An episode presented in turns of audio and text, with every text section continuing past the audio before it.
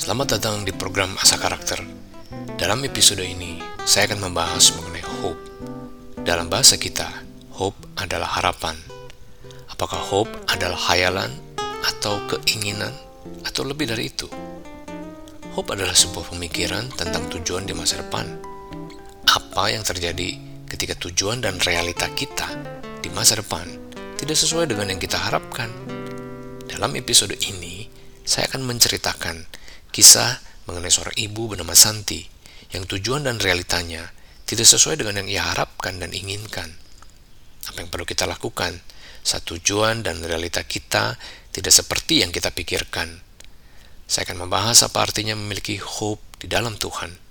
Bagaimana memiliki hope di dalam Tuhan dapat menolong kita mencapai tujuan dan mengatasi kekecewaan ketika tujuan dan realita tidak seperti yang kita pikirkan. Selamat mendengarkan. Konsep mengenai hope dapat ditelusuri sejak zaman Yunani kuno. Salah satu kisah yang paling terkenal dan klasik mengenai hope adalah kisah mengenai Pandora. Dikisahkan bahwa Prometheus mencuri api dari para dewa. Dalam kemarahan mereka, para dewa kemudian memerintahkan seorang pembantu mereka yakni Pandora untuk pergi ke bumi dengan membawa sebuah kotak. Pandora diperintahkan untuk tidak membuka kotak tersebut setibanya dia di bumi. Namun Pandora tidak dapat menahan dirinya. Ia akhirnya membuka kotak tersebut. Seketika setelah ia membuka kotak itu, keluarlah sebuah kutukan bagi manusia. Dan di dalamnya ada berbagai kutukan yang menyerang tubuh dan pikiran manusia. Pandora kemudian menyadari bahwa ia telah mengeluarkan kejahatan dan kemudian segera menutup kembali kotak itu. Namun Pandora tidak menyadari bahwa Hope tertinggal di mulut kotak itu.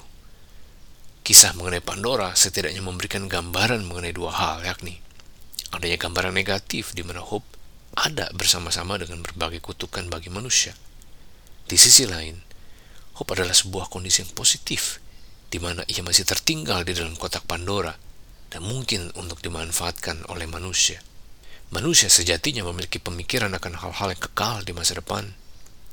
Manusia tidak hanya berhenti berpikir pada hal-hal material yang kelihatan dan ada di dunia saja, melainkan mampu untuk memikirkan hal-hal yang imaterial dan bahkan tidak kelihatan, yang ada setelah kita tidak ada lagi di dunia.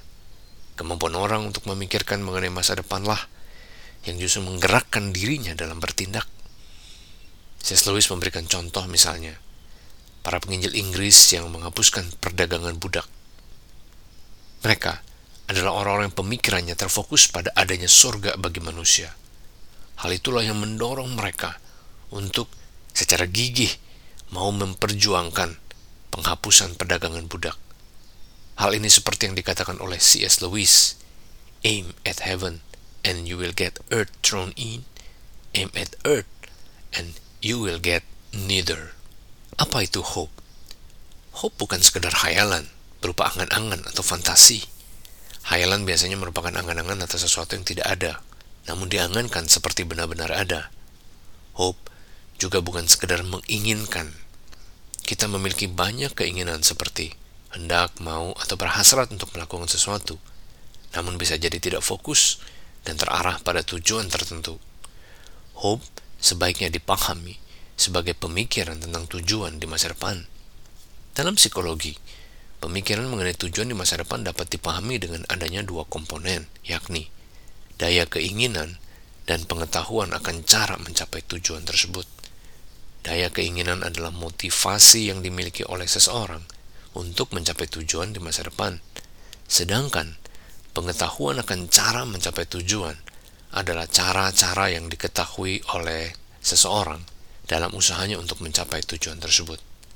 Ada tiga kemungkinan realita yang mungkin dialami seseorang dalam memikirkan tujuan di masa depan. Kemungkinan pertama adalah tujuan di masa depan tercapai.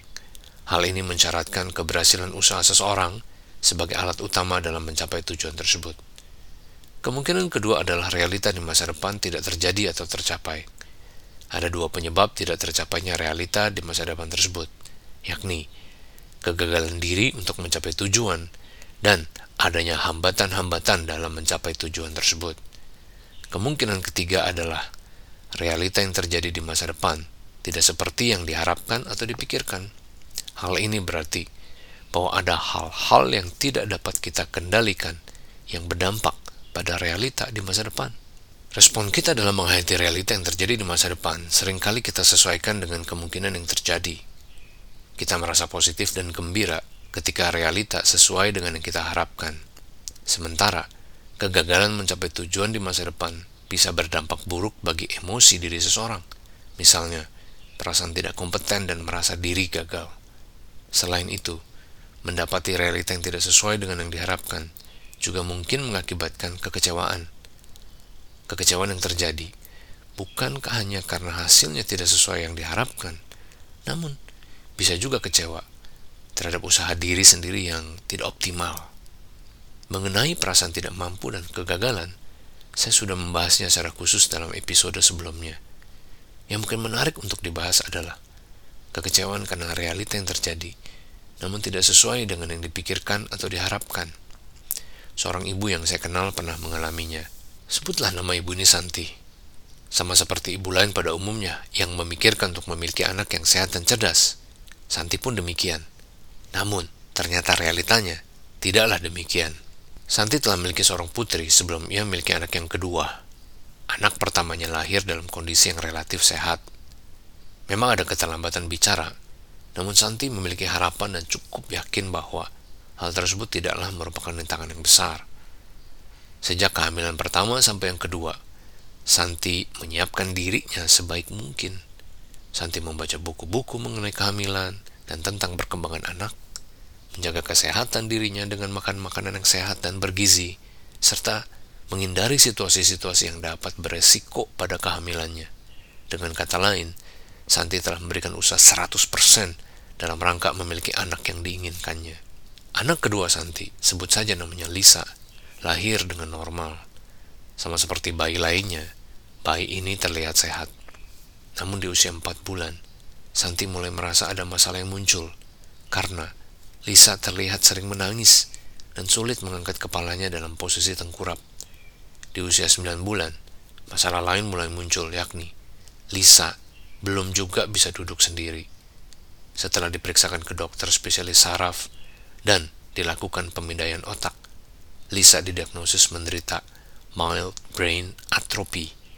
Menurut Institut Nasional Gangguan Saraf dan Stroke di Amerika, atrofi di otak menggambarkan adanya kehilangan sel-sel saraf dan hubungan-hubungan di antara sel-sel saraf tersebut. Kondisi tersebut mengakibatkan terhambatnya perkembangan secara global dari Lisa.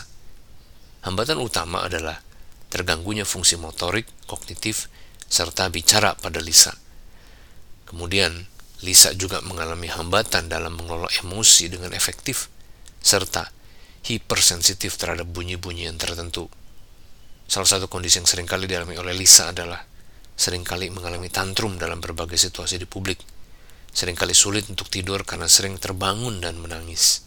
Selain itu, pada usia tiga tahunan, Lisa juga terdiagnosis skoliosis, yaitu tulang belakang yang bengkok seperti huruf S, makin lama makin parah dan dapat membahayakan organ penting seperti jantung dan paru-paru.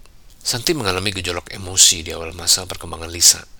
Santi memiliki kekecewaan. Ia mempertanyakan Tuhan. Mengapa ia harus mengalami realita tersebut?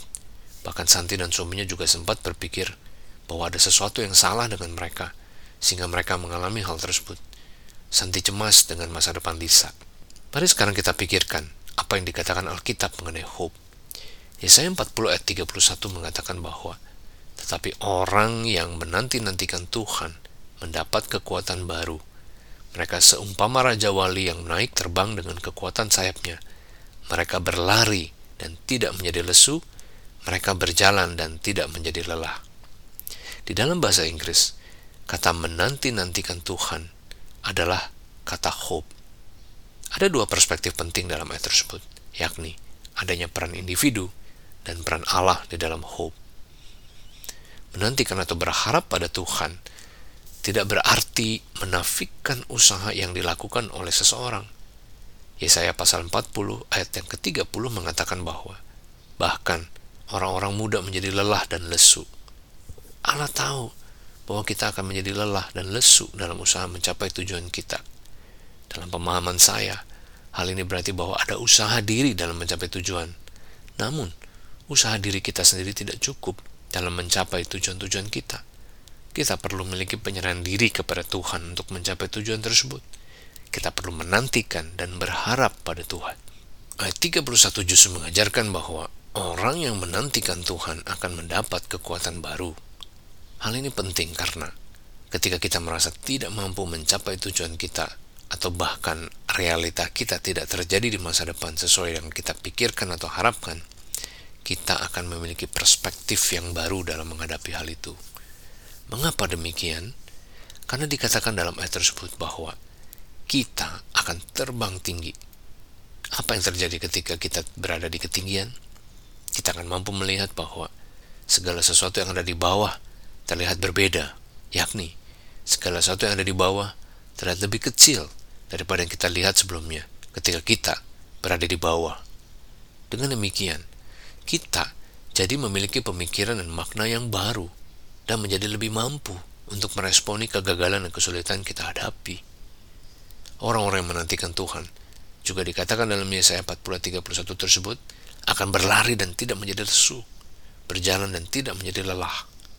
Hal tersebut menjelaskan bahwa orang-orang yang memiliki hope di dalam Tuhan akan makin kuat dalam menghadapi segala kesulitan dalam hidup, apa pun kesulitannya, baik kesulitan yang datang dari luar diri maupun kesulitan yang timbul dari kegagalan diri sendiri. Rasul Petrus mungkin menjadi contoh yang baik untuk hal ini.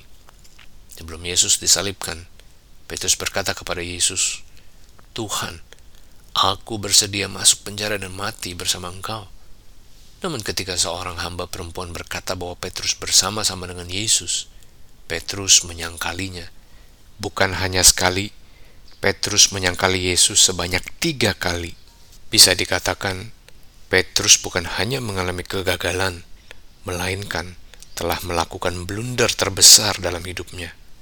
Petrus menyadari sekali akan hal itu. Ia pergi keluar, menangisi tindakan yang telah dilakukannya. Kisah Petrus tidak selesai pada penyesalan dirinya. Di saat paling rendah dalam hidupnya, Petrus justru mengarahkan pandangannya kepada Yesus yang telah mati dan bangkit. Petrus menulis di surat 1 Petrus 1 ayat 3, Terpujilah Allah dan Bapa kita Yesus Kristus, yang karena rahmatnya yang besar, telah melahirkan kita kembali oleh kebangkitan Yesus Kristus dari antara orang mati kepada suatu hidup yang penuh pengharapan. Kematian dan kebangkitan Kristuslah yang memberikan Petrus hidup yang penuh pengharapan. Allah memakai Petrus di dalam pelayanan dengan luar biasa. Contohnya, Petrus berkhotbah dan 3.000 orang diselamatkan. Petrus diyakini menjadi pemimpin gereja mula-mula. Bagaimana dengan kisah Santi dan Lisa? Santi mengalami saat-saat yang sulit dan berat saat mendampingi Lisa bertumbuh. Puji Tuhan, lambat laut Lisa mengalami perkembangan yang menggembirakan. Walau semua aspek perkembangannya terhambat, Lisa bisa berjalan, bisa bicara, bahkan bisa bersekolah di sekolah dasar reguler. Saat ini, Lisa yang sudah remaja sudah bisa bermain piano dan keyboard dengan cukup baik. Lisa cukup mandiri dalam aktivitas sehari-hari di rumah.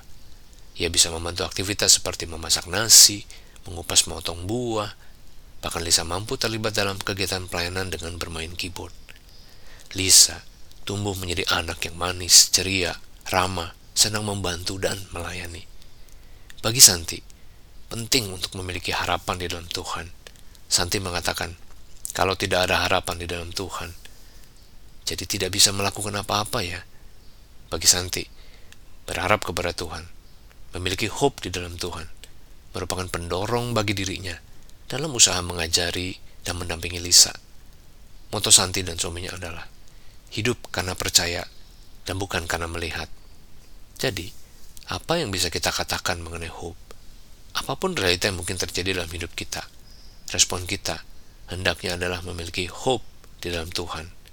Memiliki hope di dalam Tuhan berarti bahwa kita menjadi memiliki kekuatan dan makna dalam usaha mencapai tujuan di masa depan.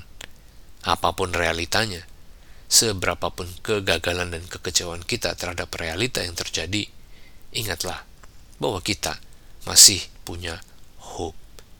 Hope yang kita miliki bukan berdasarkan usaha diri kita sendiri, melainkan karena keyakinan yang kokoh di dalam Kristus yang telah mati dan bangkit bagi kita.